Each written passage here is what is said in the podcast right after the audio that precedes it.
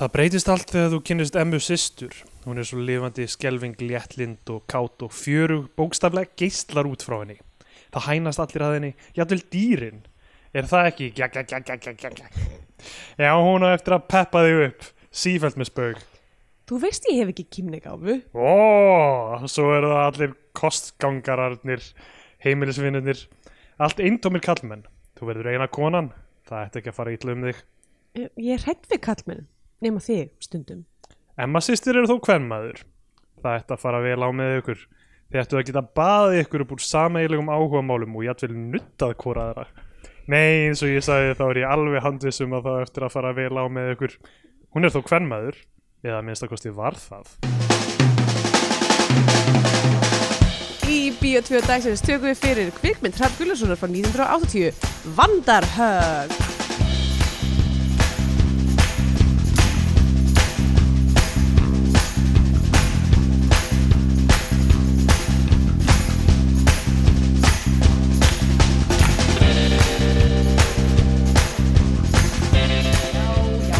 Já, já, já, já, komið heil og sæl og verið velkomin í 2 hlaðavarpið um íslenskar kvikmyndir.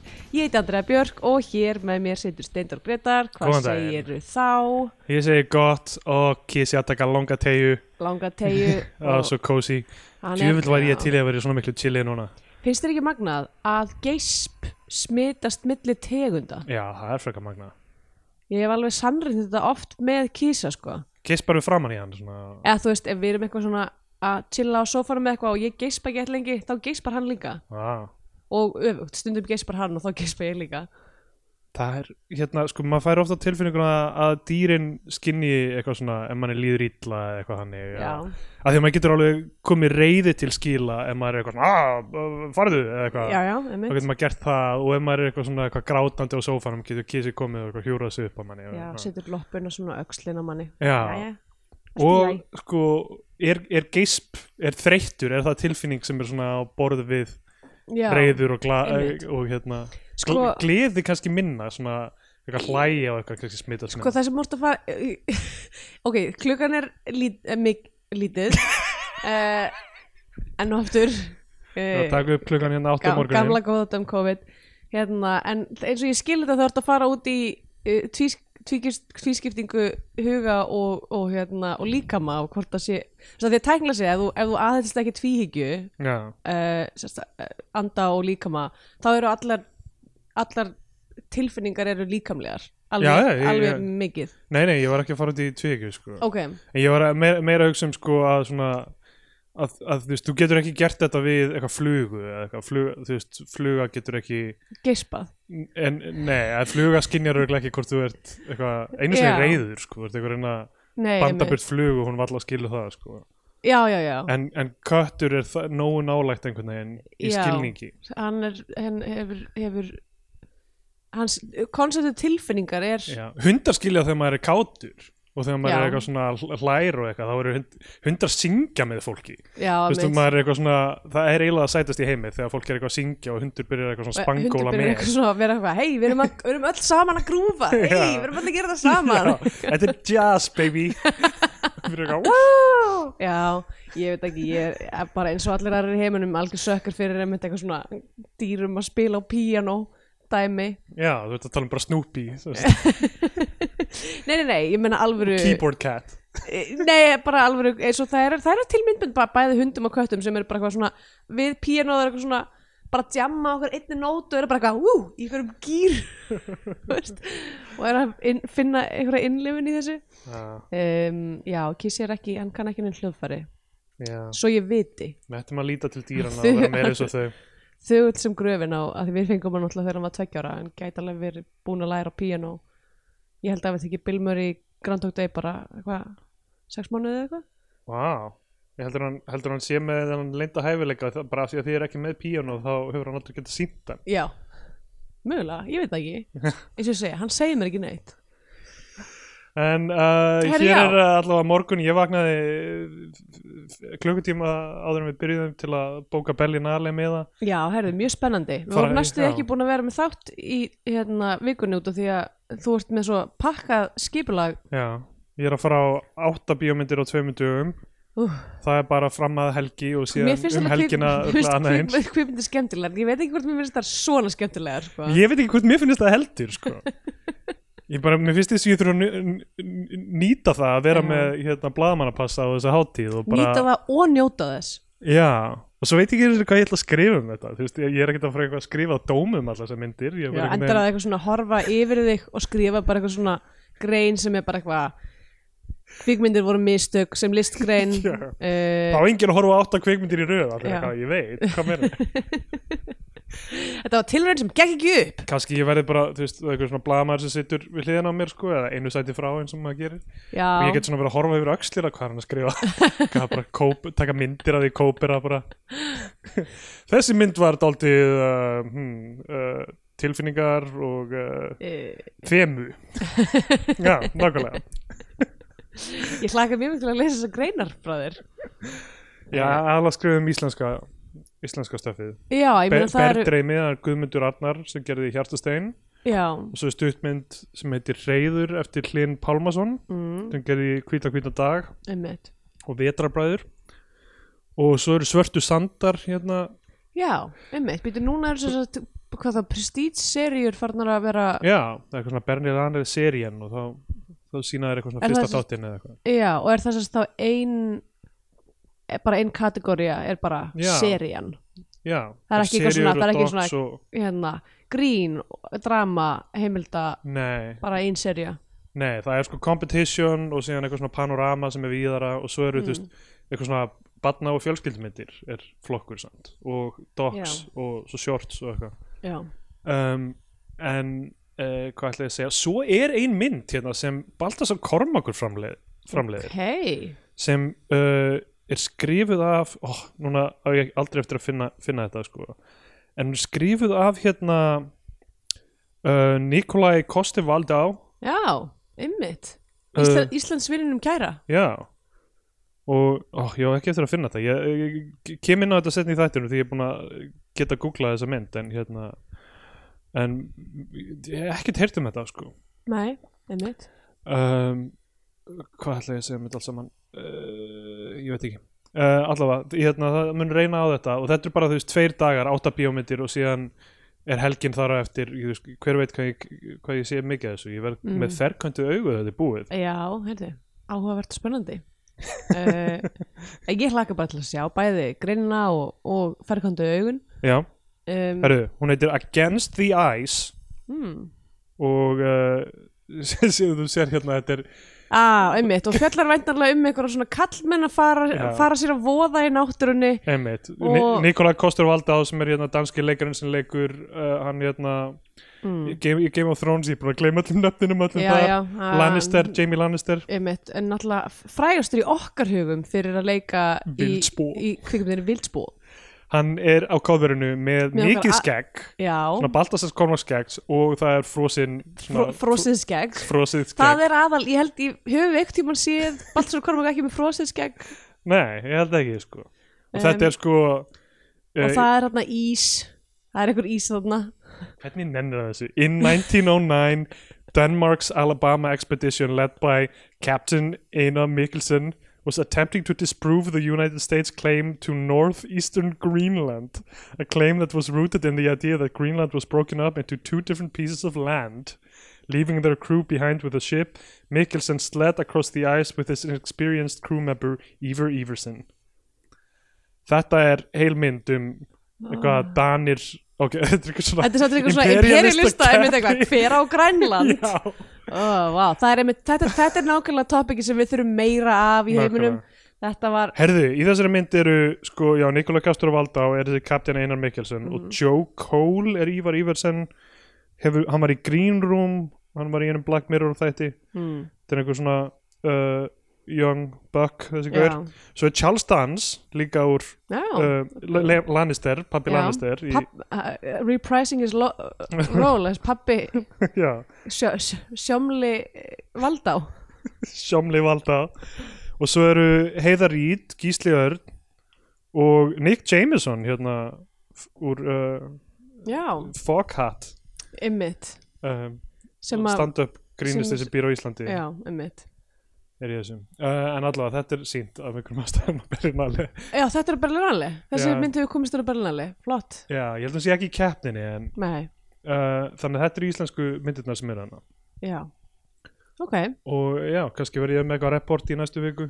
Já. En já, en, tíðindin hérna eru þau að Já, við erum með tíðindi. Já, við ætlum að klára februar því þessi þáttur og tveir aðrir. Og uh, svo erum við bara farin í pásu. Já, einmitt uh, Af því að það bara, já, er ekki fleiri myndir. Já, við eigum bara einhverja svona örfáar eftir og, Já, einmitt. Og uh, já, það er bara staðan að það er ekki meira bíotvíó í byli Nei, einmitt. Og, um, og það er það. Já, Við, já Getum ekkert gert í þessu? Eða þú veist. Hendur okkar er bundnar. Og ég veit, ég veit Einhver er að fara að senda okkur skilabóð vera eitthvað Hvað með sjómanstætti já, hvað með heimildamindir Sko, ef við förum að opna það hérna þú veist, það Pandora box já, já, þá, þá erum við bara, þú veist, ég veit ekki. Nákvæmlega. kannski ef okkur leiðist geðvikt mikið eftir eitthvað, þú veist, ég veit ekki við vorum búin að opna Pandora box með að byr, byrja með þetta já, hlaðvarp. nákvæmlega, bara svo, bara svo, þessi, ha, svo því sé haldið til haga hversu upp á mörg okkur Pandora svona- box? E, já, nákvæmlega, að það, þú veist ha- gerðum við okkur ekki almennilega í hugarlund þegar við byrjum fyrir fimm árum já, uh, að taka upp þess að þætti að við værum búin að komitta í fimm ár. Nei. Uh, þess maður myndi, maður held jú, jú, við sáum svona töluna og áttum okkur á því að þetta myndi kannski taka svolítið tíma en, já, og þá vorum við líka með aðgengi að miklu færri myndum já, uh, en uh, já, við heldum að þetta myndi líka við heldum að við myndi, okkur myndi lenda illa saman og við myndum hægt að vera vinir já, og, mitt uh, en eitt okkar myndi verða fyrir sporvagn og það myndi bara hætta allt en saman. illu heilli erum við ennþá vinir og bæði á lífi. Já, einmitt. Þannig, við bara búum sko á staði Berlín þar sem er ekkert svo margir sporvagnar. Nei, nákvæmlega.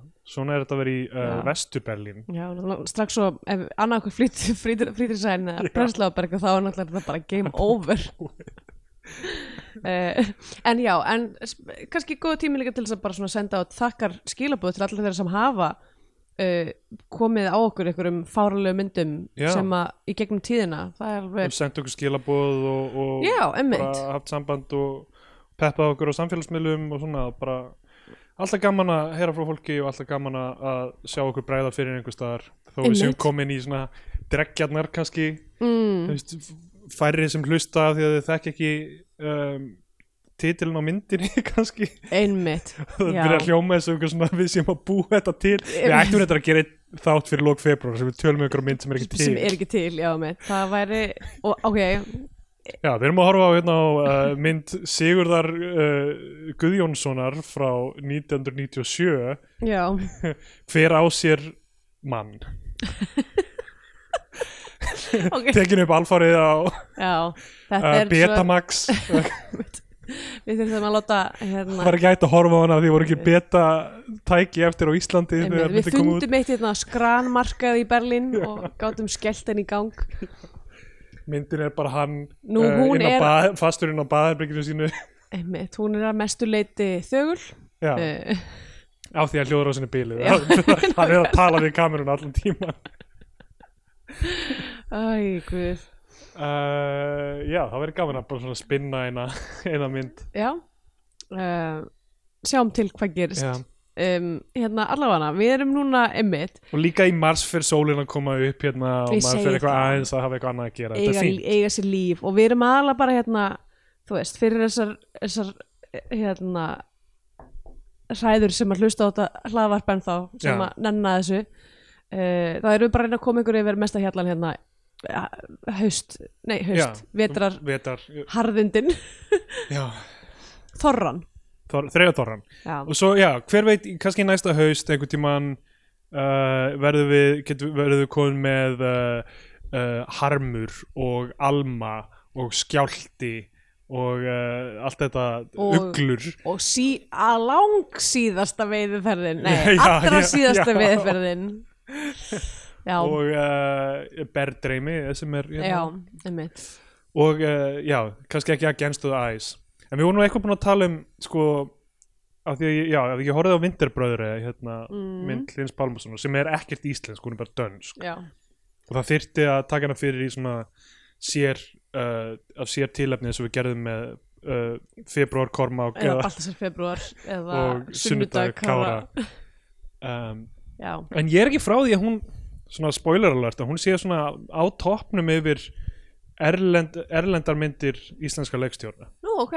Ja, þú veist, að því að nú kannski ekki hörð samkeppni, voksna menneskir er kannski helst já, um mitt um, og ég veit ekki ef þessum Baltasars myndir hvort einhver þeirra sé nei, um mitt um, að þessi var þú veist, mjög áhugaverð, tekin upp á 16mm filmu veist, mjög áhugaverð svona ok. myndrænt séð og um, ef við tökum hana einhvern tíma fyrir þá, þá, þá, þá er það áhugavert. En síðan eru einhver svona ein, tvær aðrar þarna eitthvað 1.0 og einhverju svona, einhverju svona myndir sem íslenski leikstjórar gera um, um, á öðru tungumáli mm sem þú veist, er alltaf svart option. og síkulust já, einmitt.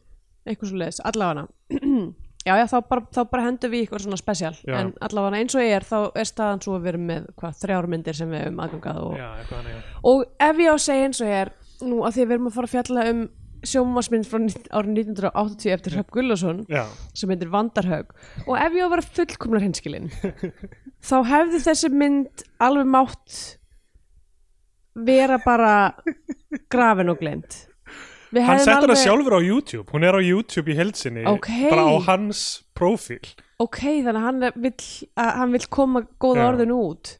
Nefnilega. Á þessu herrans árið 2022 er hann eitthvað, núna ætla ég að setja transfóbisku myndina mína já. á netið Ég veit ekki hvað þetta er sko. Ég, ég veit ekki hvort hún er nógu coherent til að vera transfóbík Nei, þetta er eiginlega bara svona súpa af öllu svona gay panic, transfóbía. Sko. þú veist, þetta er bara svona þú veist, þetta er mjög klárlega 1980 Já. að því leitinu til að það er bara öllu hendi í sama hatt, það er bara perrar, Já. skrifum mynd.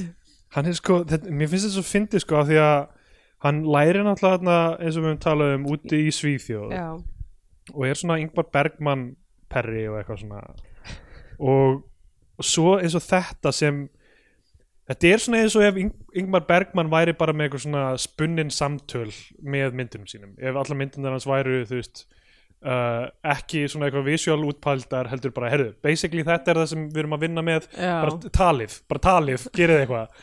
Hvað heldur það sé ekki handrit í þessari myndi það? nei, nei, það er auðvitað handrið sko. En, en þú þau með sko, textin vera svo ógislega tyrfin að ég var eitthvað, þetta er talaði fólk svona 1980 Já, já, þetta, ég með þetta hlýtur að vera skrifað, ja, þú veist, að miklu leiti af því að einmitt hann er svo svona fláir í þessi texti mm. og og þetta samtalatni í byrjun, sko. Já. En sko, Jökull Jakobsson skrifar þetta handrit sem við höfum náttúrulega uh, það er einhverjar myndir held ég sem eru byggðar á bókum eftir hann og það er ég að fletta þessu Mm.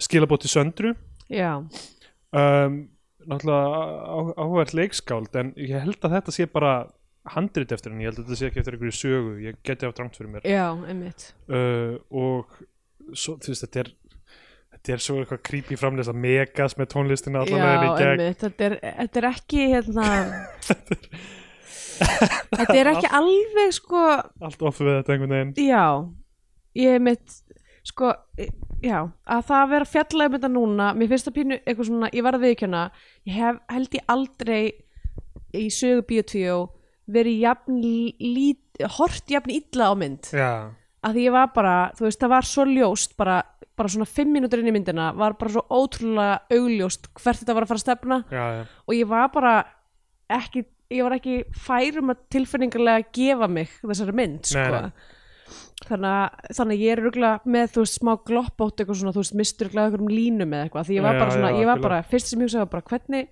ok, akkur erum við að horfa á þetta núna í dag, til hvers? Hver, hver, hvað hva, hva góða það að fara að leiða af sér? Og hvernig var þetta grínlitt sem sjónvarsmynd á sínum tíma. Já frumsýnd á RÚF Bara, ef við erum 27. að tala um, oktober sko, 1980 Rúf, maður við erum að tala um rúf allra landsmanna. Maður geti allir spurt sig hvernig hafði Rapp Gullusson svona mikinn aðgang að því að sína myndir á RÚF maður getur velti fyrir Maður sig getur- og ég veit ekki hvort það er eitthvað sögulegar ástæður fyrir því Nei, eða- nei, einmitt að við getum við, þú veist, ég menna, maður getur kannski þú veist, einmitt, velta einhverjum steinum og komist að einhverju hvort en, hann, þú veist, einhvern tíma var þú veist, með einhvern útvast átt með einhverju fólki eða eitthvað sem hann kynnti sem gaf honum sem hjálpaði einhvern veginn einhvern veginn svona pólitísk tengsl, maður veit það ekki. Nei, náttúrulega Rúf myndi aldrei gera það. Aldrei. En hann, hann sko á þessum tíma 1980 er hann uh, búinn að gera Blóðröytt sólalag Já. 1977 sem við vorum alveg svolítið hrifin af. við vorum nokkur hefuna henni sko. Mm og uh, eitthvað dót hérna þú veist, hérna er einhver stuttmynd sem heitir Lilja. Mm. Uh, hann er búinn að, já, undir sama þaki Var hann orðin sjómas hérna, stjóri á þessum tíma? uh, ég veit það ekki Ég skil ekki hvernig maðurinn hefur svo mikið tíma ef hann er að vinna það í fullu starfi og framlega ekki að mikið að myndum já, þetta er næstu, næstu í ein mynd hérna á ári að þessum tíma sko mm. um, Óðal Feðrana 1980 Mm. og síðan okkar á milli í hitt og þunga dagsins 82 Það stórverki Já, og þetta er sko allt sem hann prí Einn daginn mun ég horfa á hana aftur bara að því að ég, mér líðust því ég hugsa um hann líður mér eins og ég hafa verið á síru eða eitthvað. Já, djúvel var hann að framlega það gerir eitthvað silfur tunglið sem er eitthvað að leikið sjónasefni stendur ekki hvað þetta er langt þetta er afi minn er í því. Okay. uh, 1978 um, og uh, já, hann er að dundur út alveg ein, einu, einum hlut á árið cirka á þessum árum sko. Og uh, já, Vandarhögg. Vandarhögg. 1980 eða Whiplash eins og hún ennsku Ég- hefur einhver sagt uh, Óskarsvöluna tilnæmdu myndinni Whiplash með Miles Teller og J.K. Simmons um trommu, Já, trommu? Um trommur. Um trommu. Sú mynd, bara um trommur. E Ekkert fólk, bara trommur. Já, að, að hún sé að stela til þeim Nei, ég held ekki, en hljómar ekki þannig. Um, en hún, uh, ok kvikmyndavefinu segir, frægur ljósmyndari Lárus, kemur heim til Íslands til að vera við út fyrir móður sinnar. Með honum kemur Rose. Ég held að veri Rosa. Mm, Rose, eiginkona hans, sem er meira en 20 árum yngri en hann. Við heimkomuna rífjast upp atriður æsku Lárusar og eiginkonan unga verður þess fljótlega vör að ekki er allt með feldu. Ekki er allt með feldu Já, Myndi byrjar á því að það er bara svona kona að syngja í myndavéluna Dansi, dansi dúkkan mín. já og svona alveg svona upp í linsuna og, og svona basically er þú veist eitthvað svona með rauðan borða og svona bindir borðan utan um myndavélina en maður á náttúrulega- að Ja, fyrstu personu. upplifa, upplifa sig sem, ég veit það ekki, dúkkuna Já, um, Já, ég er búin að vera með þess, þetta lag á heilanum núna í, síðan í gær dansi dúkkan mín. Þetta hefur verið í ykkur annar myndi það ekki líka Öruglega. Var þetta ekki í, mér langar að segja húsið trúnaðamál Gæti verið. eitthvað svo leiðis, allavega þetta er ekki fyrst skipti sem þetta vissulega creepy lag Já. hefur verið nýtt um, hérna í mynd en já, sem sagt þarna fáum við eitthvað svona opnunar, Já, hvað? og kemur í ljós uh, að þetta var draumur manns sem Mhm. sefur í flugvél hann uh, rumskar og við hliðin á honum er, er uh, konan hans og hann er svona hálfparti vekur hana, ég veit ekki alveg hvað hann er að gera. Mm. hún er að sofa í flugvél líka fáum, við fáum sem sagt hérna editið frá þessu, þú veist, dansi dansi dúka mín senu, þar sem hann, við sjáum hann í fyrstu personu vera að láta dúka sig upp. Já, og svo sem sagt er sagt, klift yfir í það er kona sem að kissir hann sem er konan Já. í myndavélinni. Já. svo fyrir hún úr ramma og þá vaknar hann og Já. þá er þú veist svo, kona sofandi hliðan þannig að það er greinilega partur á draumnum já, að hún sé þarna í einn personu þarna í flugvélinni. Já, uh, og eiginlega frá þessum tímpúndi var ég bara, ok. Þetta er alveg ljóst hvað þetta er. Já, og líka bara þekkjandan hrafn okkar. Já, að hann er, er ófeimin við að fara á einhverjum slóðir sem enginn baðan um að fara á. Nei, nákvæmlega. Voru þetta spurningar sem fólk var að velta fyrir sér þarna lok áttunda áratugarins? Eitthvað er, er það uppbeldi sem er að gera fólk samkenneitt og per, perver Ég held að þetta sé mögulega, já uh, er í gangi. ríkjandi hugmyndafæraðin á þessum tíma er að, að því veist, að þetta er líka á þeim tíma þar sem að það var bara svona, þú veist, verið að þú veist, það var hægt að veginn ná þessu út úr fólki Já, aftur og eitthvað svona. Ég velti fyrir mig hvort hann, þú veist, Hrafn hafi verið svona gaur sem, þú veist, var að lesa Freud eða hvort hann var bara svona að fá veður af Freud. Hvort hann var bara, heyra, ég bara, já, pínusefni, já, þetta er áhugavert já, ok, hérna, ödipusardöld, ha? Einmitt, eitthvað, þú veist, um, eða hvort, hvort hann var actually eitthvað svona að dífa sér í eitthvað svona lestur um þetta. Ég ekki gott að segja. Um, en uh, sem sagt maðurinn í flugvélinni er Benedikt Árnason leikari sem Mhm. er líka í okkar á milli í Hýttóþunga dagsins. Já, einmitt. Virðist einhvern veginn vera eldri þarna já, að hann því hann er með eitthvað svona skegg sem er með svona hvítu í. Já. Og uh, uh, það er, já, Megasalægið og Orfegur Efri Dís er yfir intróinu og uh, svo er klift yfir í jarðaför einhverja konu. Mm. og uh, það er eitthvað svona já, hún, Hún var- góð kona, máttastólp í samfélaginu bla bla bla eitthvað. Já, hún sá, sá um þá sem minna máttu eiga sín í Já. samfélaginu eitthvað svona, hún er eitthvað svona greinilega hefur verið að sjá, hafið verið að sjá um sagt, fólk gefa í mat og eitthvað einmitt og svo hérna uh, lendir flugvélinn eftir á þetta kemur í ljós uh, þetta er mamma hans hann Mhm. er of seitt í jarðaföruna hennar og, og, og mætir ekki og virðist bara vera saman Já, hann planaði það þannig, kemur Já. í ljós Hann vildi ekki ná jarðaförinni já, En um, þessi mynd gerist á Akureyri og ég var að reyna að svona Já. muna, er einhver önnur svona Akureyrar mynd? Af því að það er svo mikið af myndum sem eru, þú veist, eitthvað Ísafjörður já, og, einmitt og greinilega, já, ég, ég man ekki eftir því í flötubræði hvort að nei, hvað greinilega ekki sterk hérna, Nei, það var ekkert sem stökk á mig einhvern veginn, já, Einmitt. þessi mynd sem gerast á Akureyri það er eiginlega galið hvað það er mikið af myndum sem að hafa gerst á vestfjörðum Já. og eru líka bara framleitar á vestfjörðum. Já, já, það er að alltaf tvær bólungavíku myndir einmitt nokkulega Snæfa ein, ein frá flat, eða byrju, flatir eða þingari Já, hérna í faðmi hafsins. Einmitt. Eh. Uh, Já, gott að það var ekki flateri. Uh og svo er, þú veist, náttúrulega Keflavík, ditt og döðu kötturinn. Já, já, nei, þessu bara vestfjörði líka. Já. náttúrulega ég man þig er líka Já, vestfjörðum það er mynd um, já, bara mjög mikið. Vestfjörðir eru, algjört menningar setur Já, já, svo er þetta líka, þú veist, bara flott og verið landslag og svona og, mm um, einmitt. Kom, komist við ekki að því að, Lambert gerði eitthvað fyrir vestin Já. líka eða? Er, ég, er hún ekki þarna það sem við heldum um, uh, á fæðingastað Jónas Hallgrímssonar? Nú, já, ok. Um, held ég. Uh, en uh, það er nú ekki langt frá akkur Nei, ok, ég er mjög lélugur í, í landafræði en, Já. en hérna íslenska landafræði. En allavega, hann, uh, þau mæta þarna. Hvað segir um þessa eiginkonu hans sem uh, Björg Jónsdóttir leikur hvað segi ég um hana? Hvern, þessi típa? Já, mér finnst hún að vera svo mikið baby í stundum. Hún er eitthvað svona eitthvað, já, eitthvað. Já, ég meina, er þetta ekki, þú veist, hvað? svolítið, hérna, þú veist, þetta er 1980, þessi svona, já, ég veit ekki hvernig, að þetta ekki, er náttúrulega, svona, þú veist, þetta dansi, dansi dúkka mín þema dæmi, já, uh, þú veist, hún á að vera módel. Já, og þetta er svona, einmitt eitthvað svona 1980 er tíminn þar sem að þú veist þetta er í fullum gangi þú veist, hérna, þú veist að, að, aðrar bylgju feminismin er einhvern veginn búin að missa hérna þróttin og, og það er bara eitthvað svona fimm mismunandi fegurðarsamkeppnir í gangi á Íslandi á Já. þessum tíma. Þú veist, allir eru bara eitthvað meg, veist, að, að, þa- þetta svona babyfication korunar er alveg í fullum gangi þarna og bara, og þú veist, hún á held ég að vera bara eitthvað svona, já, ung og bara svona brain dead já. Er svona held ég kynningin sem á að vera á henni svona alltaf komist við að því að hún er það ekki? Nei, nei.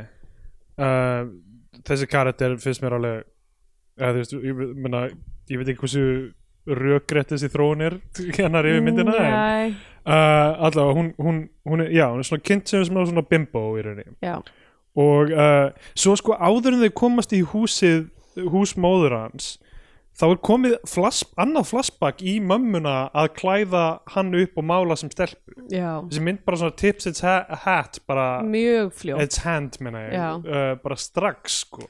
Man, það er engin mystery það er ekkert, þú veist, þessi, þessi, þetta svona uh, gender bending eitthvað svona, ó, hérna hann er fucked up af því að hann var alin upp sem að hann var stelpa. klættur upp sem stelpa einu sinni. Eitthvað, það er ekki einu sinni þú veist, verið að reyna að fela það í eitthvað svona, á þann hátt sem þú veist, alltaf, nokkrum árum setna þú veist, 80 sem er áhugavert varandi svona, eitthvað svona transpanic dæmi, já, af því að sko og, og ég, ég er alltaf tilbúin að allavega reyna að verja vinn minn Brian De Palma en nokkrum árum setna kemur Dress to Kill sem er já, með því elementi sem ég held að hann sé bara að vinna með eitthvað svona Hitchcock áhuga hátt fyrir ég svona og Hitchcock Psycho náttúrulega eitthvað. já, eiginlega já, já, er, er fræið að þessu. Einmitt og svo náttúrulega kemur þarna Silence of the Lambs náttúrulega áratug setna cirka já, sem uh, Jonathan Demme segir þú veist að personan er ekki trans heldur bara hérna er, með, veist, er, er ekki með fullmóta identity og er leitandi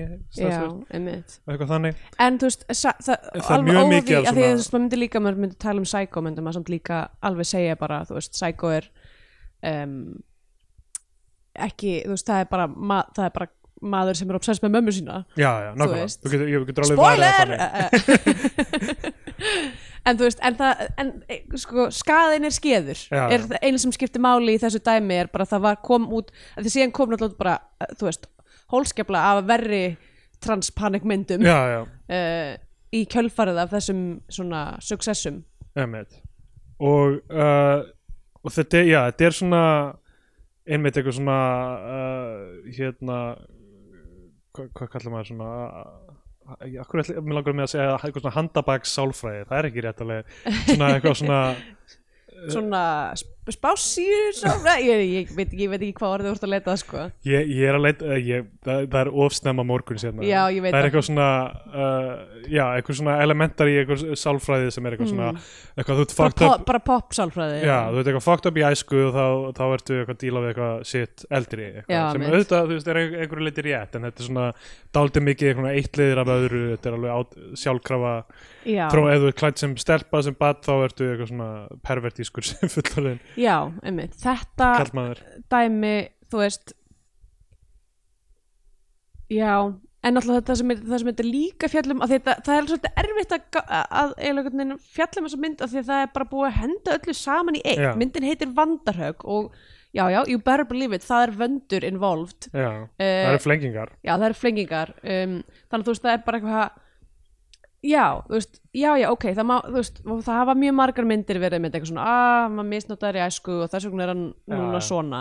En mér finnst bara eitthvað þú veist, núna he- vissulega hef ég ekki ég held alveg öruglega að það sé ránt ég er nokkuð vissum að það sé ránt að hérna, þú veist, fólk bara fæðist samkynnitt það er Já. ekki út af því að einhver flengdi það í æsku sem að verða já, og þú veist og það er bara rosa mikið af myndum sem eru bara eitthvað svona þú veist að gefa gefa þessari narratífi einhvern gaum sem að mér finnst ókslega pyrrandi já Sko mér, þú veist, ég held að uh, það, ég, ok, ég er kannski að tala út um rassin á mér, sko, en þetta með að fæðast einhvern veginn samkynniður eða tvíkynniður eða hvað það er, Mm. sko um, ég vissum að það er fullt af einhverju rannsóknum og þú veist að stanslust eitthvað verið að skoða það og eitthvað, en mér finnst það eiginlega ekki skipta hennu máli, sko, þú veist, það, mér finnst það eiginlega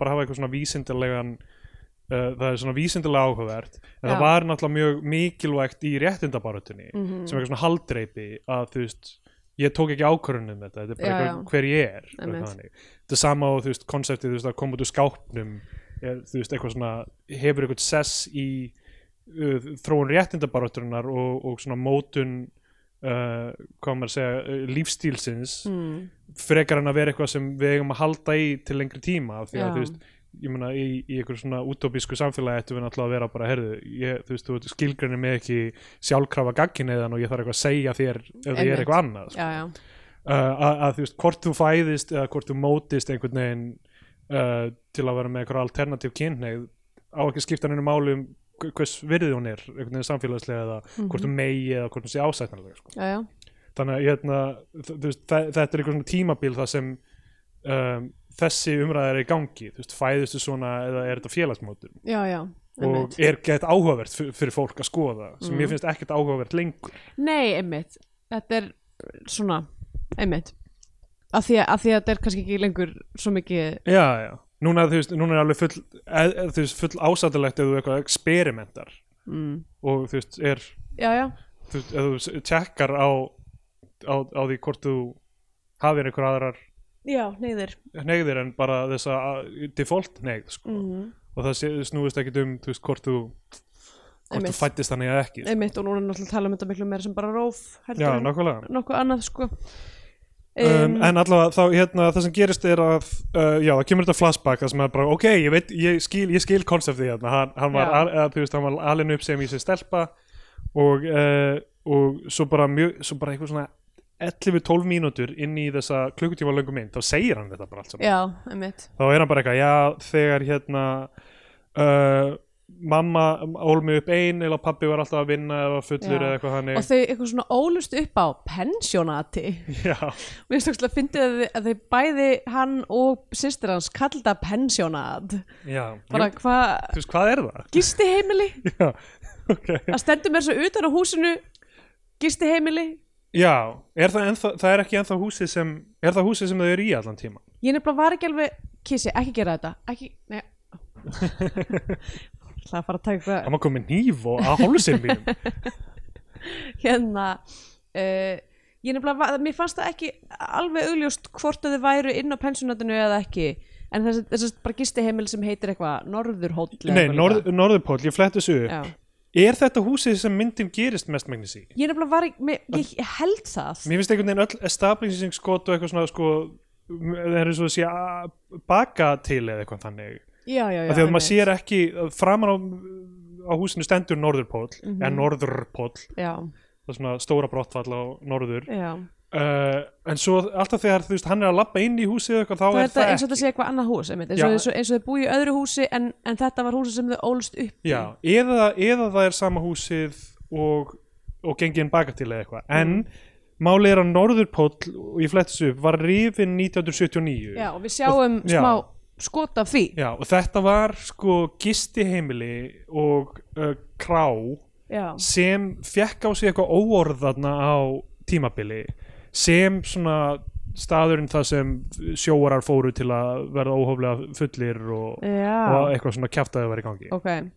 Þannig að það er eitthvað svona þannig baksaga, mér finnst það ekki eitthvað explórað í myndinni en sko svo er sem sagt klift yfir í sko konu sem er í klippingu er að láta uh, og klippa á sér drengjakoll sem. Brynd, Bryndis Pétursdóttur leikur. Einmitt og hún er alveg með svona ágætis uh, híjung. já, góður híjungur uh, hún er uh, Emma, systir hans Mhm. sem ég heyrði alltaf amma systir fyrst var ég að amma systir, hvað er í gangi? já, einmitt hvaða fucked up fjölskylda er Já. þetta og uh, þau mæta þau mæta hana parið uh, á heimili mömmunar og er Já. að býða eftir að Emma systir komi já, og þá er þetta samtal já, sem við tókum í byrjunni, er það ekki þá? jú, jú svo það sem að og þetta er svo mikið eitthvað svona ykkur ofta að koma vel saman að því að þið eru báðar kvenmenn já, já, og eitthvað svona, eða hún er kvenmaður eða var það. Já, það er ógeðslega skrítið maður er bara ok, hún augljóslega við erum búin að sjá konuna með yfirvarskeggi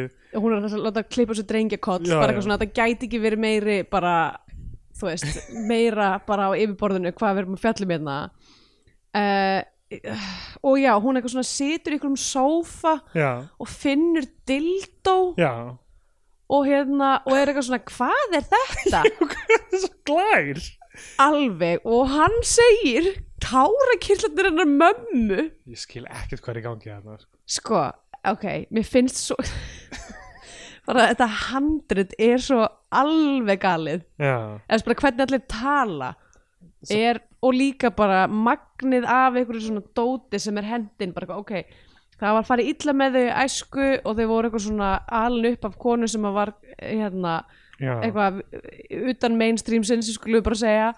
Og, hérna, og þess vegna er hann uh, samkynneigður og með blæti fyrir því að láta raskilla sig vendanlega og hún er þú veist, vera tra veist, er transmaður eða eitthvað. Já. en samt ekki. Það er eiginlega ekkert skoðað Nei, neitt eitthvað svona og líka af því að hún var þú veist líka þú veist það er þetta málverk á vegnum af mömmunni mm, og tveimur Stelpum. stelpum, sem Já. er alveg eins klættar og hún er bara eitthvað, hvaða málverk er þetta? Og hann segir strax þannig eitthvað, þetta eru Ég og- og, Emma sýstir og mamma. Bara, en, en þessi unga st- stelpa er þú? Eitthvað, já, eitthvað, já, já, svona Já, hún klætti mig upp og, og svo hérna, svo ef ég eitthvað já, að, að þegar pappin kom heim þá var hann reyður yfir að mamman skildi hafa klætt hans í stelpu mm, og vildi að honum er refsað en hann, honum, hann hafði ó, ó, hérna, honum bauð við að snerta son sinn. Já, hann vildi ekki snerta neitt og sína um neina ástúð eða neitt annað. Þannig að mamman þurfti alltaf að flengja hann. Mhm. hún er eitthvað svona eitthvað, var það ekki erfitt? Eitthvað fyrst en svo fór ég að fíla það. Já hann segir það bara hreint Ég var eitthvað, út. er ekki, það er ekkit subtext Nei. hvað er í gangi hérna? það er ekkert samtækt í þessari mynd. Og þú veist, e, það er eiginlega betra játvel að sé ekki subtext annars verður maður sjálfur eitthvað oh, já, mitt. Ok, kemur í ljós sem sagt þau uh, veist, kannski er það þetta, þetta hérna, þessi vingill með þetta, með þetta gistuhús að þú veist að því að saga pappans er það að hann á að vera bara eitthvað svona sjómaður já, sem var eiginlega alltaf í burtu og svo var hann bara blind fullur og ógslur þegar hann kom. Einmitt. Það er endar sko, þetta dæmið það sem er að tala um eitthvað svona uh, í þessu samtali það sem er eitthvað svona Emma uh, var alltaf með alltaf þessa heimilsvini í kringu sig eintóma kallmenn og eitthvað sem ég finnst gefa til kynna að hún hafi verið eitthvað svona lauslátt eða eitthvað og Já. var alltaf verið svona gestagangur á einhverjum random kallmennum sjóurum eða eitthvað svona. Já, ég, sko, ég las það þannig að, að það væri ástæðan fyrir hún vildi sjá sjálf sig í mynd kallmanns og væri þú veist að safna skeggi og fá sér drengjakoll og eitthvað já, já, hún er bara allst upp með kallmanna og, og það vill þar leðandi vera kallmaður já, en mamman er búin að vera á lífi það til rétt á undan þetta sem var alltaf að klæða hana í mjög dúkuleg einhvern veginn föt líka. Já, emmitt nokkulega Já, já, Kísi er búin að leggjast yfir nótuna mínur þannig að þessi þáttur verður enn verri en hann er nú þegar. Eh, allavega, þau mist á jarðaförunni hann verðist hafa viljandi gert það sýstir hans er ekkert sárið við því að neitt hann kemur og þeirra samband öll þau samtöl milli þeirra eru alveg galin já, sko. Sko ég skil ekki hann er búin að vera, þú veist, eitthvað ferðast um heiminn sem ljósmyndari, hann segir alltaf ég fann uh, Rósa á, á fjarlægri strönd eða eitthvað Mm. svona og uppgötvaði hann og eitthvað og, uh, og veist, þeirra samband er eitthvað svona hann er, þú veist, established eldri ljósmyndarinn já, og hún er ný, unga módelið eitthvað svona mjú- músan hans einmitt það er alltaf að taka myndir á henni niðri við höfnina Já. og bara hér og þar og hérna, og þú svona hvernig þau sískirinn tal, eða st, hún aðalega hérna, Emma, er alltaf eitthvað svona hún er nú falleg dúkkan þín. Já. eitthvað svona, er alltaf eitthvað svona þvílíkur hasar kroppur sem er á henni. Eitthvað, og maður er eitthvað svona oh, mér langar ekki bara að horfa á það. Mér langar bara að fara að lesa bókina mína eða, Já. þú veist. Ég veit, ég veit ekki hvort þetta er allt eitthvað texti Jökuls Jakobssonar eða hvort hlapp hafi verið bara eitthvað þetta er of tyrfið og óskil, óskil, óskilanlegt eitthvað. Segið þetta bara segið dú, orðið dúkka svona, þú veist, einu sinni á mínútu já, nákvæmlega. Uh, um, og svo, svo byrjar uh, sýstirinn að spila á hörpu mm, og, og það er dansið dansið dúkka mín eða ekki? Já, og hann finnur fiðlu og byrjar að spila á hana byrjar að spila með. Og svo bara æsist lægið rosalega mikið, hann byrjar Já, að dansa í hringi aftur og aftur með fiðluna. Þetta er eitthvað svona líka mjög klast eitthvað svona, að, styrlun og hljóðfæri. Uh, eða sérst, sérstaklega fiðla, ég held að fiðla sé mjög oft notu sem eitthvað svona, að, hún er búin að ganga af göflunum. Já, já, um, að veist, byrjar, hann byrjar líka eitthvað svona snúast í ringi og eitthvað, það er, kemur mikill æsingur í þau, bæði tvö. Sko e- með við þessa lýsing á kveikmyndavefnum eitthvað að þegar hann snýr aftur heim þá byrja, veist, byrja æskan að leita hann. Er weird alveg frá upphafi alveg frá bara fyrstu einmitt. bara rétt, veist, það er ekkert sem segir okkur hann sé ekki weird og þú veist þegar hann er að dreyma um þetta í flugvélinni já, já, og svo mætir hann og þá bara eitthvað heldur hann áfram að vera weird og- um, og uh, já, hérna sem sagt uh, ég held að sé kannski frekar það að hann er, er Hann er líka minna færum að fela það fyrir eiginkonu sinni. Já, kannski. Hann er alltaf að sniffa á einhverjum svona staut af því hann er kvefaður, einhverjum svona viks eða eitthvað, ég veit ekki, einhverjum svona ok. stautur það að fyrir, þenn, fyrir þetta moment þá hefur hann alltaf verið að fara þú veist, þau eru búin að giftast en hún er, býr bara á Íslandi. Já, og hann er alltaf að fara erlendis í vinnuferðir að taka myndir af einhverju mm. og hann er alltaf með einhver dula fullan kassa sem hún veit ekkert hvað er í sem, sem maður myndi giska á væri bara myndavél í. Já, en, en kemur einhvern tímann í ljós hvað það er? Já, sko, jú, ég held er að þetta bara svona the baggage mm, já, einmitt. Ah, metafóra í þessari mynd. Og ég trúi því uh, nei, ég held að sé alveg séu eitthvað svona búningar og hárkolla og eitthvað Já, í töskunni. um, svo sko fara uh, já, sýstirinn byrjar strax að sko vera svona mjög forvitin með Emma sýstir, við erum alltaf forvitin með hérna mm, konuna. Og er svona hann, hún er eitthvað, já, áhvert hún hún er loðin undir höndunum eitthvað, já, hún er einmitt, líka eitthvað svona brjóta stereotýpur einhvern veginn þannig einmitt. hann hefur aldrei tekið eftir í að ég hef verið eitthvað, ég veit ekki. Já, og svo sko einhvern tímann læðist hún inn í svefnherbeggi og svona tekur af henni sængina til að skoða hann. Já, uh, svo er klift yfir í þarna sem konan er bara að rústa húsi örgulega norðurpólum já, þannig að það sem er klift yfir hún er bara að brjóta glugga og, eitthvað. einmitt. Og, það, og síðan bara tilbaka, það er bara eitthvað já, það er svo inn á milli er einmitt bara eitthvað svona eitthvað dót. Já. ég verði ekki ég var ekki alveg ég var ekki nógu invested. Invested til þess að vera eitthvað svona að reyna að púsla þessu saman sko. Veist, þetta gæti verið eitthvað svona ó þetta er tilfinningarna hennar eftir að hún mætir þarna og er allt í hennu sett til hliðar út af því að hann er svo spenntur fyrir sýstur sinni já, að hún bara eitthvað, að ég brýt glugga eitthvað. En það er ekki, passa inn í narratífuna það virðist Nei. bara vera, herðu, þetta er tilfinningin sem er í gangi. Mm af því ég var eitthvað að hugsa því er þetta, er þetta svona flash forward eða eitthvað þannig en, en það reynist held ég ekki vera þannig. Nei uh, og svo fara sískinin að leiðinu, leiði mömmunar.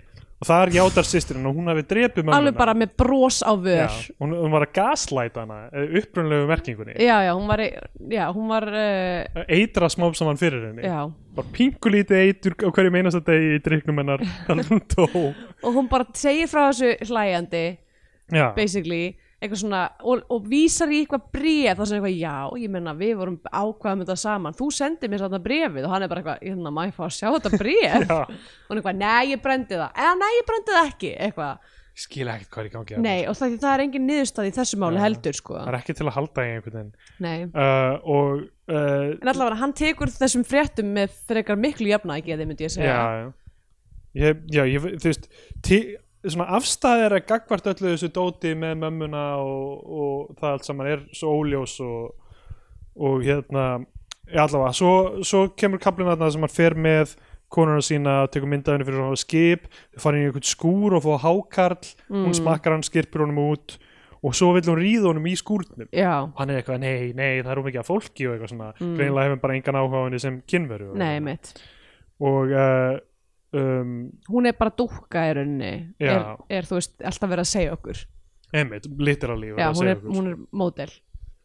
Ég skrifa hérna einhvern tímann, hann heyrir í mömmu sinni já, heyrir, já, meðan, meðan hún er eitthvað svona ó, þú verður að ríða með þetta í skúrnum þá er það bara eitthvað svona, eitthvað rödd mömmunar ómar yfir, eitthvað, dan, eitthvað þú, þú ert úka, eitthvað eitthvað svona berg, bergmálar yfir og hann eitthvað, nei, hleypur út, Já. eða hvernig þetta er þetta er, uh, já, ekki subtle, nei, og svo skreita þær saman jólatré konurnar mm. og hún er eitthvað svona sko, já, Láru, sko, ég er náttúrulega elskan og allt það, gott að vera með honum en það er eins og hann búið við einhverju leyndamáli Hæ? All, alveg bara Hmm, hann vill ekki sofa hjá mér hann, hann er alltaf að fara til útlanda með Já. einhverja tösku með sér og stundum finnst mér eins og hann sé að fara að segja mér leyndamálið svo gerir hann ekki já. Ó, sko, já. Og svo uh, um nóttina þá kemur sýstirinn inn í svefnherbeggi er að sæki Lárus í rúmið eitthvað kottu með fyrir með hann upp í sitt herbeggi upp á háaloft eða svona efri hæðina og klæðir hann þar í kjól og syngur dansið dansið dúkka mín aftur Já. og kissir hann á munnin já, hún er klætt upp sem mamma þeirra. Já, um, þannig já, þau er eitthvað svona ég sveið Sko- þetta, þetta er eitthvað svona yfirborðsfróið bara þetta er, þetta er alveg fárlega ég líka glemt að, nefna þegar, þegar, þegar hún Emma kemur og svo, þú veist, þau sískinni eiga samtal þá, þá tekur hann upp víbrótur og er eitthvað herðu hérna og glemdi þessu frammi þú voru að passa þig, hún, hérna, hún Rós mín er ekki hún er ekki, hún veit ekki að við erum öfugungar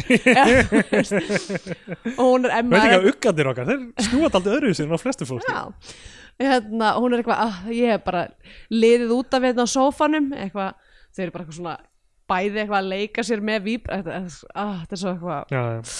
uh, allavega, já, sagt, þannig að þá er, við, þá er núna búið að henda inn líka sifjaspelli inn í þetta dæmi. Og svo náttúrulega tikka í öll bóksin já, mitt. Uh, þannig að hún, hún er sérst klætt upp sem mamma þeirra og hann er klætt upp sem dúkan uh, og þau eru eitthvað, með eitthvað svona, fara eitthvað svona, er eitthvað svona leik, eitthvað svona eitthvað, þau eru eitthvað æslast bara. Já, já. og, og hérna, og svo, já, væntarlega flengir hún hann. En það er off-screen, við heyrum bara já, en hún, hún, en hún sér það sko. já, við sjá, þess að því hún Rós vaknar Já. og tekur þetta upp held ég, já, hún, Hún er er með þetta upptökutæki sem hún er segulbandstæki. Hún er að sapna uh, einhvers konar uh, hérna, sönnunagögnum um, og þá er svona þetta. fyrst, fyrsta skipti sem að við sjáum að það er eitthvað það er ekki allt með feldu með hana að hún er með eitthvað annað eitthvað, já ég, ég skil ekki Eitthvað- alveg hvernig eitthvað þetta spilast út en, að því hún er sérst við sjáum eitthvað tala í síma sem Já. er svona, þú veist, eitthvað svona backlit situation Já, þar sem við já. sjáum alla andlitið og maður er eitthvað, ok, það maður á að halda að það sé Emma eða, eða hérna Lárus sem er að gera það. Mm, en svo þú veist er revílið eitthvað svona að actually þá er það dúkkan sem er mest helluð af öllum einhvern veginn. um, sko hún uh, kemst einhvern veginn, ég skil ekki alveg hefði verið búin að gleyma að nefna fugglin já, páfagaukinn, af því að þegar þau koma þangað uh, að þá er hún sérst rós með páfagauk í búri. Hún er eitthvað svona, ég verð að taka hann með mér til Akureyrar. En hann er röglega fara að deyja úr kulda hérna. Já, uh, annan í Reykjavík bongóinu þar. Um, og ég var bara svona með hann fuggl í þessu búri, ég var bara ok þetta er bara myndmál waiting to happen. Um, Þau, já, sýstin er að gera veginn lítið úr henni og Mhm. þarna. En sko, svo kemur þessi persóna sem Átni Pétur Guðjónsson leikur og ég, ég skil ekki alveg út frá sögurþræðinum hvernig hún kemst í samband við hann.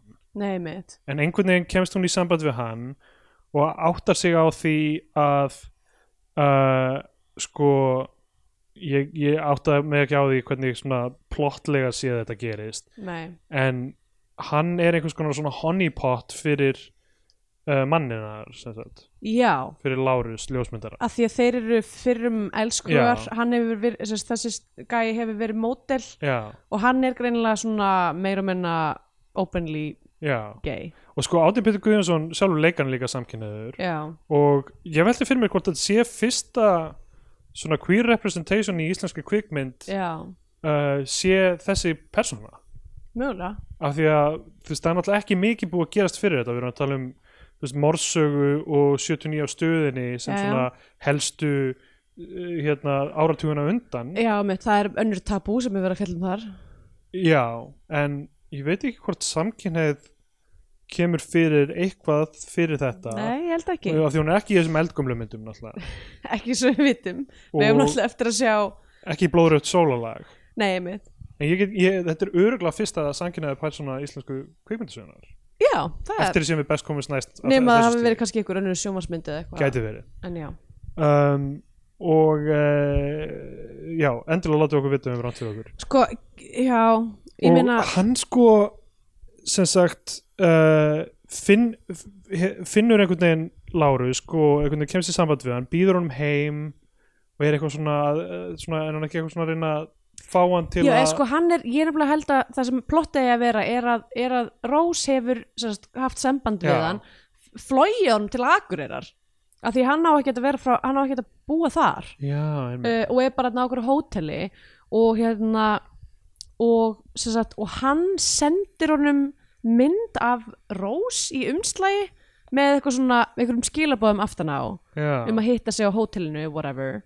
Um, sem eitthvað svona þú veist, það er frekar klassið eitthvað, svona, herðu, þú kemur að tala við mig eða ég segi einhvernuðinni að þú sért gay.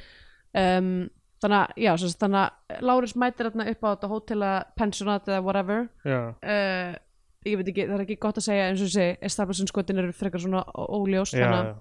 fyrir utan þetta hús sko, veit ég ekkert hvað hlutin eru að gerast eða Nei, þú veist hvað er uh, og þeir eiga eitthvað svona samtala sem hann er eitthvað við áttum nú góða stundirnar. Og já, og þess og og hann er að taka þetta allt saman upp. Að allt saman upp. Fyrir Rós.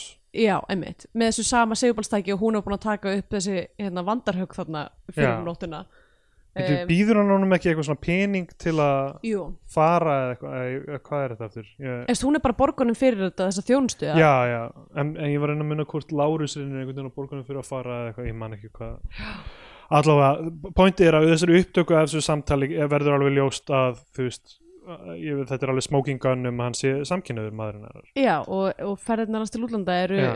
líka bara, já, einmitt hann að fara að í lifa staðan fyrir að sína því einhvern áhuga í þessari mynd, Já. einhvern veginn þú veist, hvernig það er að lifa sem samkynniður maður á Íslandi 1980 þá er einmitt, þetta bara og eitthvað vera, svona og vera giftur og mér finnst eins og, eins, einmitt, eins og þetta sé sko veist, það eitt og sér hefði verið áhuga að vera já, eitthvað umfyllunarefni eitthvað svona, veist, það er fullt af konum sem voru gifta samkynniða mönnum á þessum tíma og voru bara lifandi við þann veruleika að þær kannski vissu en, en vissu Já. ekki hvað gá- gátu ekki gert neitt í því og gátu valla að tala um það við mannin sinn Einmitt. jafnvel sko þú veist, sem að það eitt og sér hefði verið fínt og gott fínt plott í þessu Já. en það að henda inn öll þessu öðru ruggli já er svo mikil vannvirðing Já, þetta er frekar ógeðslegt allt saman sko. um, að hann sé þetta af því að hann var klættur upp sem dúka sem bad já, og, og einhverja fucked up systur líka sem, er líka Eitthvað- að díla við sitt eitthvað neginn já. Og svo sem sagt þegar Rósa kom með upptöku að þessu og veit hvað hefur gerst þá býður hún þá til syst, Emma sýstir er sem sagt hún er inn í styrst, hún er í styrstu hún er raulandi mjög mikið. Hún raular finnst svona raul í bíómyndum áhugavert af því að ég veit ekki stundum veit ekki alveg hvað það- þú veist, mér finnst þetta að vera svo mikið íslenskt já, að fólk sé bara eitthvað svona raula einhvers staðar. já, það sé bara eitthvað la la la da da da da.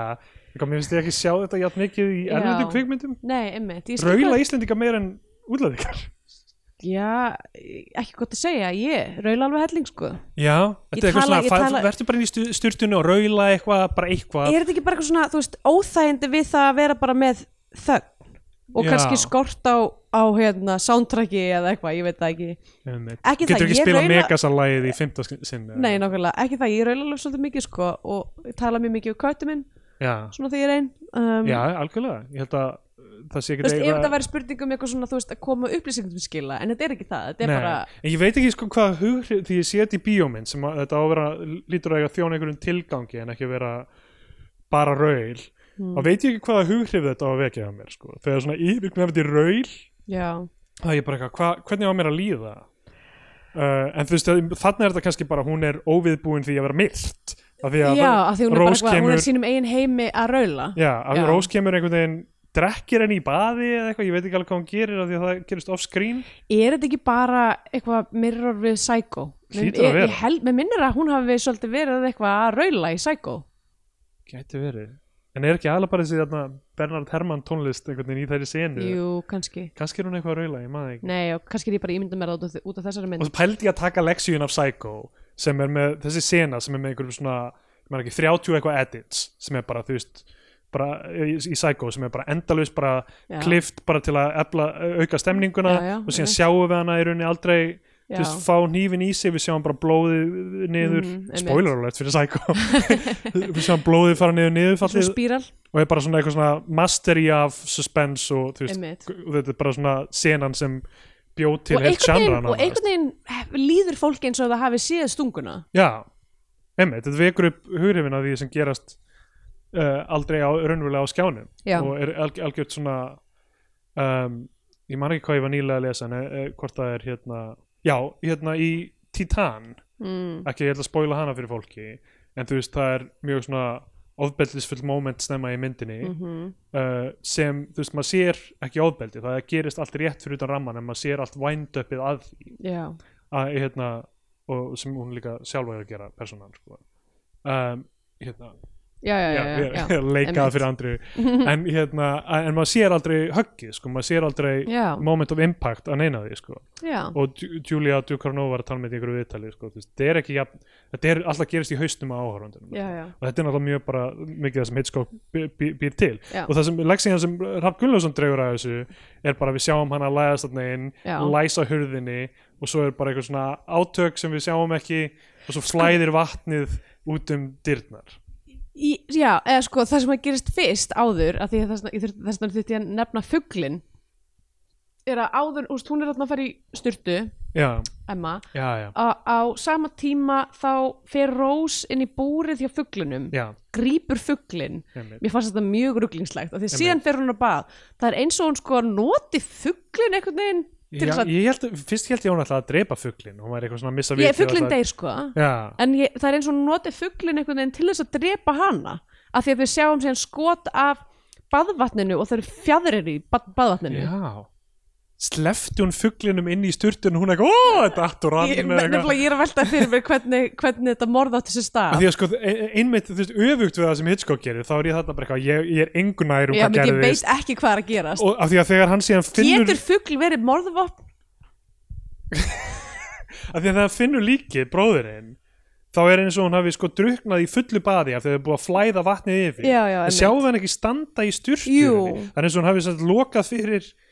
og til, til að, veist fylla baðið meðan líkið er í því Já, eitthvað. Hún, þegar hún deyr þá er líklega opið fyrir niðurfallið Já, þannig að hún einmitt. lokað fyrir niðurfallið og síðan rennur vatnið út úr baðinu og og niður stegan sem er þú veist einhverju liti flott að sjá vatnið svona renna undan hurðinni og niður tröppur já, já. en af því að maður með bara, byrju, hvað hvað ég skil ekki mekaníst á neitthátt hvað gerðist Einmitt. Ef ég, ef ég er Og að hefur giska ekki glóru í mynd, þá myndi ég, myndi ég halda að hún einhvern veginn svona kastar fuglunum inn í, inn í styrtuna og pa, hún dettur sér Já. til dauða. En þú veist það er mjög svona Já, handahófskendu en af dauði hverju lokaði hann þá fyrir niðurfall? og hvernig dó fuglin? Nákvæmlega. Ég veit ekki, þetta er, þetta er mjög skrítið alls saman. Mm Þið getið reynd að finna þessa senu ef þið er enda á hlust og hafa ekki séð vandarög Já, mitt Það getið, ef þið hafið útskýringu fyrir okkur á, á YouTube það er endilega einhver staðar í kringum mínútu, ég veit ekki, 50 eða eitthvað. Allavega, hann kemur heim af þessum, þessu confrontationi þarna með, uh, með fyrirvændi kæristanum. Já, og, hérna, og hún, eh, Rós, er inn í stofu að dansa sturlaðislega við, dansa, dansa dúka mín. Við upptökuna af þeim Já. að hafa spilað á hörpu og, og fyrirlu Já, því hún hefur vantilega tekið þetta upp Já. þá, einmitt.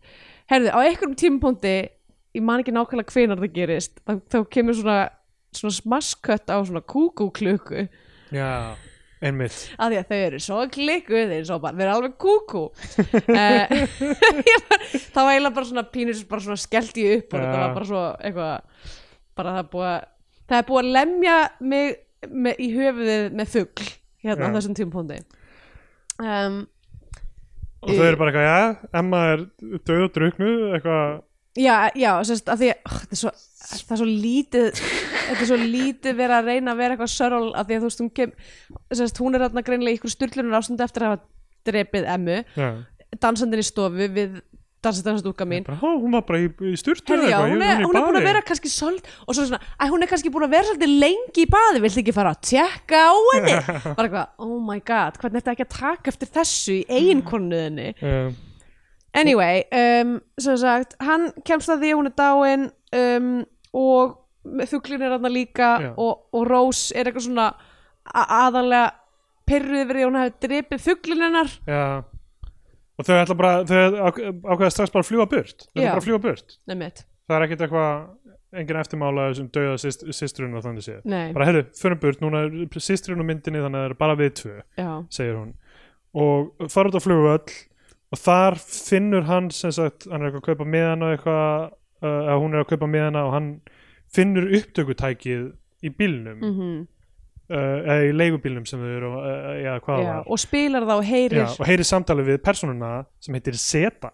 Já, samkynniða persónan heitir seta, Zeta. ok. Z-E-T-A og hann, hann mætir og konfrontar hana með þetta.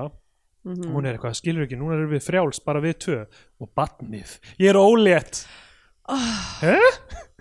Þetta er sko, þetta er, náttúrulega það sem er búið að vera í, við erum kannski ekki búin að nefna það, í gangi í myndinni er að hann er alltaf, að- hann, hérna, Lárus er alltaf að segja eitthvað svona, já ég held geti nú bara sest hér að. Já, og hún greinilega vill ekki setjast þarna að með, með systurinni já, og núna basically komstu að því eitthvað svona, þrátt fyrir allt, þrátt fyrir allt þetta styrlaða dót sem við erum búin að sjá í gegnum myndina, þá er það konan sem er styrlaðist Já. að þeim öllum.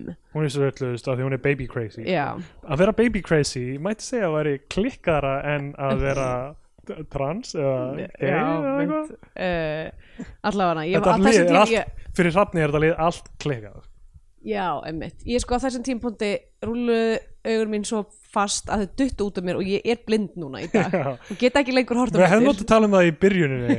Ég er eitthvað, ég er að fara að horfa á átta bíómyndir á og ég hefði að segja, ég get ekki hort á einar myndir. Alveg burying the lead hérna Já.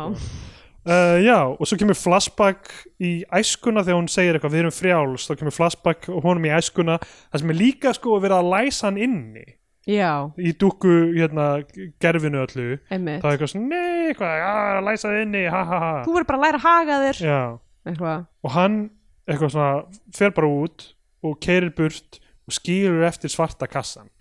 Já, því að það hann sé læknaður af þessum kendum sínum á þessum tímapunkti. Ég veit ekki, og hún er bara eitthvað, ei, býttu og er eitthvað svona vesenast þarna og kemur bara kveðlistinn og meiri megas.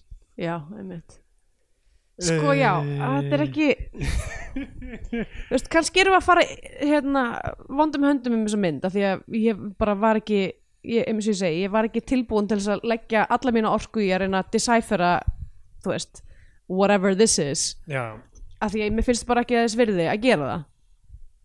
Persónulega, og ég veit að það er ljótt að segja það en þetta er mín staða, hvort þessu. Ég held að það sé bara ekkert nema sangjart skil, þetta er talar enginn um þessa mynd þó Nei. sé öllum aðgengileg og það er af því að það langar engan að ræða þetta. Þetta er, þú veist, þessari mynd, það hægt að segja að þessari myndu tekna það er alls konar weirdos á skjánum. Já, já. þú veist, það er gaman að sjá fullt af weirdos í mynd.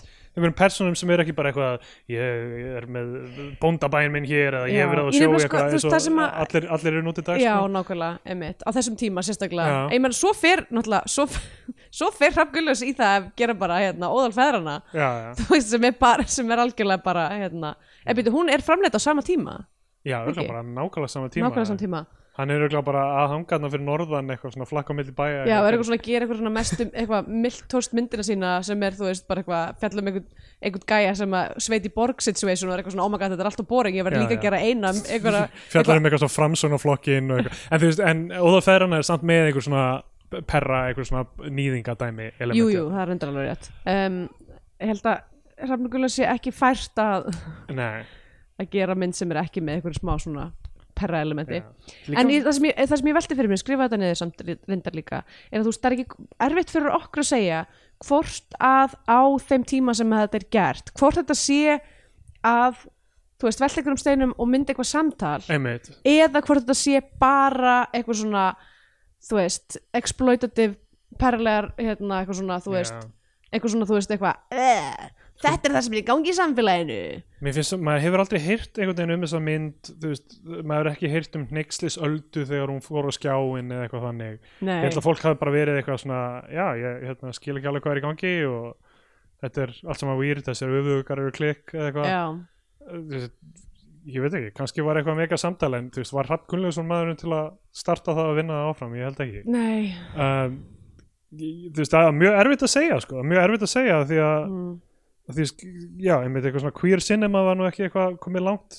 Ég man að var ekki til á Íslandi þarna Nei, nákvæmlega. og, Ég myndi og, velta í fyrir mér, þessi, þessi eina sena þar sem að þeir eiga samtal sem er svona svolítið svona frekar svona, svona straight forward eitthvað svona, þú veist, við lifum sem aðrir menn erlendis, hverju Já. getum við ekki lifað sam, veist, við áttum nú góður stundir manstu, þú veist, eitthvað. Þú veist, hvort að hvort að, þú veist, einmitt einhverjum hafi liðið eins og að væri represented af, af þessu, já, eða hvort þetta væri bara svona, reyðarslæg fyrir samkynnið á Íslandi að horfa upp á það að sjómvarp allra landsmanna sé, veist, sé hérna, henda einhverju svona ruggli á skjáin og, og bendla það við samkynnið já, já. Alltaf erfitt að segja, ég, einmitt, ég held að þessi mynd hafi verið svo ó- ómerkileg einhvern veginn í hugum fólks að það, það hafi ekki beint hitt, þú veist, hún var ekkit eitthvað svona áramáttasköp sem allir sáu. Eða ég meina kannski horfðu allir á þetta, hver veit? Gæti vel verið að allir hafi séð þetta. Einmitt. Bara það var ekkit annað að horfa það var menna, ef stöð þið voruð það hérna gæst ekki verið í kringlunni? Ekki gastu verið í kringlunni, þetta er 1980 Nei, ég er Ég meina- bara ekkert annað að gera. Gæti verið, Þjóðin var ennþá ósátt. Gæti verið að þetta við sö- sökkað Ég veit ekki hvernig, er ekki Hörður Torfason sem er fyrst svona ofinbelað samkynnaður á Íslandi eða? Já, Ég veit ekki nákvæmlega hvað ár það er. Nei, ég menna En- kannski var þetta í Eitthvað í kringum það. Já, Hver veit, uh, uh, það þarf einhver annar að segja okkur það. En þú veist svona það sem, það sem eru kannski öflugustu svona svona queer representation myndir af, af, af þú veist, það er náttúrulega eitthvað í gangi erlendis á þessum tíma. En Já. svo mikið af eldri myndum hafa sko eitthvað svona queer lestur já sem þú veist, ef þú veist hvað er verið að tala um þá, þá getur þú, það þá sér því gegnum Einmitt. þetta sko. sem ég finn- finnst svo áhugavert með, með Matrix sem kemur út náttúrulega þarna Já. 99 eða eitthvað 99, já, að að tók alveg góðan tíma þetta fólk var eitthvað, já, þetta er þetta einhvers konar transtexti sko. Nei, nei, ég var náttúrulega sko, það sem var aðalega fjallaðum á sínum tíma með Matrix var að þetta væri eitthvað svona allegori fyrir Jésús ég, ég, ég sko í fermingafræðslu horfði á Matrix. Wow, það og þú veist, einhver svona, einhver svona youth pastor típa var gett mikið bara krakkar, sjáu þið ekki þetta fjallar um biblíuna eitthvað, biblían er líka cool. Og, maður, og ég var bara eitthvað, ok. Jésús kunni kung fu? Já, náttúrulega Matrix þú veist, nýtur þess að vera sko, grunn hugmyndin er bara þú veist, það er eitthvað kerfi hérna sem við getum brotist út úr. Mm, og það á við um svo margt. Já. það er hægt að lesa þetta út frá svona, svona neoliberal kapitalisma og það er hægt að lesa þetta út frá svona einhvern gender mm. hérna, staðalímyndum og í veist, eins og þeir snúið þessu við reddpill auðlarnir sem hugsa að það er eitthvað kerfi kvenna sem er að halda okkur niðri já, og við kallmenn þurfum að sjá í gegnum það og vera frjálsir sko. Þess, það, það er málið, lesturinn er svo opinn mm, að allir þarna fóru í alltaf aðra átt sko. já, mitt en svo náttúrulega núna bara, ég meina augljóslega þú veist, Wachowski sýstur höfðu gert Bound mjög skömmu áður já, sem er augljóslega bara, þú veist feðraveldið að binda tvær konur sko. Bara, ekkert- gæti eiginlega ekki verið skýrar sko. uh, en, en hérna, já, ég En- kannski mæli með það eftir í, já, hérna sorry, spoiler alert, ég mun ekki flagskipi hvað er þetta að en ég er með aðra mynd til að mæla með sem er eldri sem, sem hefur þannig lestur. Mm. um, uh, ef að fyrir Skandinavian Penedex? Já, já, við getum gert það. Ég meina, þú veist Sko, náttúrulega gerist í bæjátt á landi og það er eitthvað fjölskyldudrama og fortíðin draugar fortíðar hérna, eru, eru mjög mikið hérna, allt yfirumliggjandi. Og náttúrulega, sko, svo svona blasei morð sem Já. er, þú veist, bæði sem sagt þegar, Emma segir bara eitthvað svona, já, herru, ég drap hann bara mömmu okkar. Já, þú veist, bara eitthvað svona fucking fjölskyldumorð uh, bara eitthvað svona augljóslega eitthvað geðbyrlun í þessari emmu sko. Um, Hvers- Sivja spell Ætli Hrafn hafi verið sko bara í, í Svíþjóð að horfa á allar þessar myndir sem voru ekki jafn aðgengilegar á Íslandi, Gaslight til dæmis kannski, Mm. veist, voru ekki jafn stórar á Íslandi og þekktar einhvern veginn, þetta er fyrir tíma Vaffa S-bólana sko. já, emmitt að hann, hann hefur bara verið eitthvað, herðu, ég get bara tekið hérna smá Gaslight, smá Psycho já. eitthvað, bara gert einhverja góða súpu úr þessu, já, ég meina sko, ég held að þetta er það sem bestu kvikmynd að gera menn þetta já, gera. það er náttúrulega það, þetta er eh, erfiðara í dag. Já, en kannski bara, þú veist, einmitt, þegar þú ert, þú veist, þegar þú ert eitthvað svona aktual sinufæl já, getur bara svona búin að sjá miklu miklu fleiri myndir heldur en það er aðrir. Og það er engin leið fyrir fólk veist, ef að þú mistir af veist, myndinni í sjónvarpinu eða þegar hún var í bíó. Það er engin, þú veist, það er náttúrulega fólk sá, þú veist, til dæmis Star Wars 1977, já, sá hana bara ekki aftur fyrir 90 og eitthvað, Já, þegar hún já. kom á spólu. Ruggla veist, og bara hún lifir bara einhvern veginn í einhverjum hugum fólks endalaust. Þú veist, að þú veist, a, mjög impressive að geta bara séð mynd einsinu og verið eitthvað svona, ætla ég endurskapa þetta atriði. Já, já, þú veist en já, þú náttúrulega komst bara upp með það miklu, miklu auðveldar. Nákvæmlega. Þú veist, það er engin, þú veist, eins og núna í dag erum við bara eitthvað svona, við getum bara eitthvað svona þú veist, smaskkötta bara eitthvað, þetta er þessi mynd, þessi mynd, þessi mynd, þessi mynd, það þessi er bara mynd. eitthvað svona YouTube uh, hérna, yfirferðir yfir hvaðan þessi tók hvaða skot og allt það. Nákvæmlega. Ná, Tarantino, þetta er ótrúlega, því fleiri myndir sem því meira sem ég sé að kvikmyndasögunni sjokkerar verði hvað hann hvað hann er bara, hann er bara búið til blatant sko. þú veist, einmitt, þetta er bara eitthvað svona þú veist, klipp og líma Já. dæmi í honum, sko um, en já um, já, Sifjarspell, uh, Gæbilun Morð, Draugarfortíðar Fjölskyldudrama, Smábarinn um, já já. og rosalega mikið af moral panic. Sem að þú veist, moral panic svo sem er ekki eitthvað sérstaklega stórt þegar maður myndi ég segja íslensku kvikmyndu gerð Nei, svona skömm að Já, vera útskóðar af samfélaginu. ætti að vera miklu stærra í rauninni. Já, hvað er í gangi nút í dag það er Nákvæmlega. eina sem fólk talar um. Nákvæmlega. Um, ég veit ekki, ég er að spá ekki gefinu bara. Ó ég veit ekki. Um, bara fuck um, fimm af á- níu dansandi dúkum. Ah, ég ætla að segja það uh, já, ég ætla að gefa henni uh, þrjá af fimm uh, dildóum.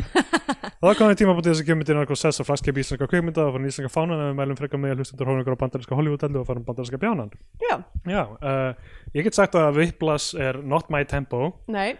Um, þessi mynd er já, betur geimt, í fortíðinni og bara uh, í lengin ástæð til að rifja hann upp ef ykkur langar til þess, það er hún samt á YouTube. Já, hún er á YouTube þú veist, það, ég meina hvað er gott við hana, ég myndi segja, já, ég veit það eru weirdos í henni, það er gaman að sjá Norðurpólinn rifin, Mm. þú veist mjög, já, ég meina, þú veist hún Björg Jónsdóttir sem leikur eigin konuna er að vinna með mjög skemmtilega svona 80s tísku og fegur já, einmitt. Og þú veist, og ég meina, ég meina Bryndis Pétursdóttir er alveg fín sem, sem Emma og, og, og ég meina ekkert að því sem Benedikt Átnarsson svo, svo sem að gera sko, en bara Nei, ég meina þessi texti, ég meina ég veit ekki hvað er hægt að gera við hann Nei, uh, og ég meina ef, ef, ef þetta er raunverulega fyrsta svona queer representation í íslensku kvikmyndum og Átni Pétur þarna í þessu hlutverki þá er það bara alveg Mhm. auðvitað mjög áhugavert. Er og allavega eitthvað moment í sögu. Einmitt, uh, ef það er rétt hjá okkur þannig að, því leitinu til gott mál, en þetta eru algjörlega svona já, það er engin raunverulegur áhugi á viðfangsefninu og bara, þetta er svona bara táknin fyrir viðfangsefni í rauninu Mm. er, þetta er bara uh, það sem er sjokkirandi áhugavert. Þetta Já. setur í rauninni tónin sjokkirandi og svona og, og svona og, og já eh, myndrænt og skrítið við áhuga Já, við, við, við, viðfangsefni, þetta setur í tónin fyrir tíund árutin, myndi ég segja. Já, algjörlega, ekki, einmitt þetta er svo 1980 já, þannig að þú veist það er alveg en vissulega þá er þetta svona þú veist svona sjokk sinema eða það sem er bara þú veist það er bara eitthvað þetta er skrítið, við skulum setja myndavélina þangað. Já, ekki eitthvað svona við skulum bera virðingu fyrir þessu umfangsefni og Mm. reyna að fjalla um það heilindum. Nei, einmitt. Um, þannig að já, það er vissulega svolítið leðilegt já, æ, Pink þetta- Flamingos kom út sko átta árum fyrir þetta. Já, ef við erum ok. að tala um queer cinema John Waters er búin að vera að gera myndir þarna. ég veit ekki hversu mikið af þeim hafa rata til Íslands eða Svíþjóðar en örug, ég, meina, ég get ekki trúið að fólk hafi séð Pink Flamingos 1972 á Íslandi. Nei, en, ég, hérna, en þú veist það er það er mjög rótæk queer kveikmyndagerði gangi þarna sko, Já. í bandaríkjum alltaf já, og örglega í Evrópu líka.